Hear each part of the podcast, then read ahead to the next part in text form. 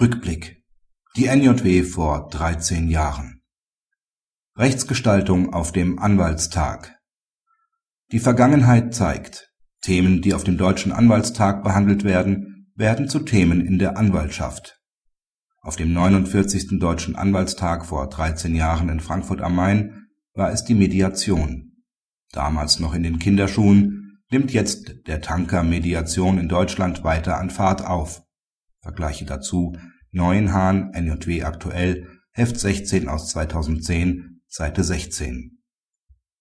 Vor dem Hintergrund des Frankfurter Anwaltstags stellten Hans-Georg und Gisela Mähler in der NJW von vor 13 Jahren alles Wissenswerte rund um das Thema Mediation dar.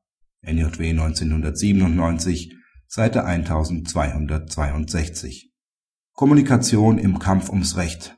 Das ist das Motto des 61. Deutschen Anwaltstags vom 13. bis 15.05.2010 in Aachen Inhalt der Schwerpunktveranstaltung ist dabei insbesondere die Kontrolle der Justiz durch die Presse. Welche Auswirkungen die Presseberichterstattung auf ein laufendes Strafverfahren haben kann, zeigte aktuell wieder der Fall Kachelmann. Vergleiche dazu Janisch, NJW aktuell, Heft 19 aus 2010, Seite 16 in diesem Heft. Ob die Diskussion auf dem Aachener Anwaltstag dazu beitragen wird, dass eine PR-Beratung in der Justiz eines Tages zur Selbstverständlichkeit wird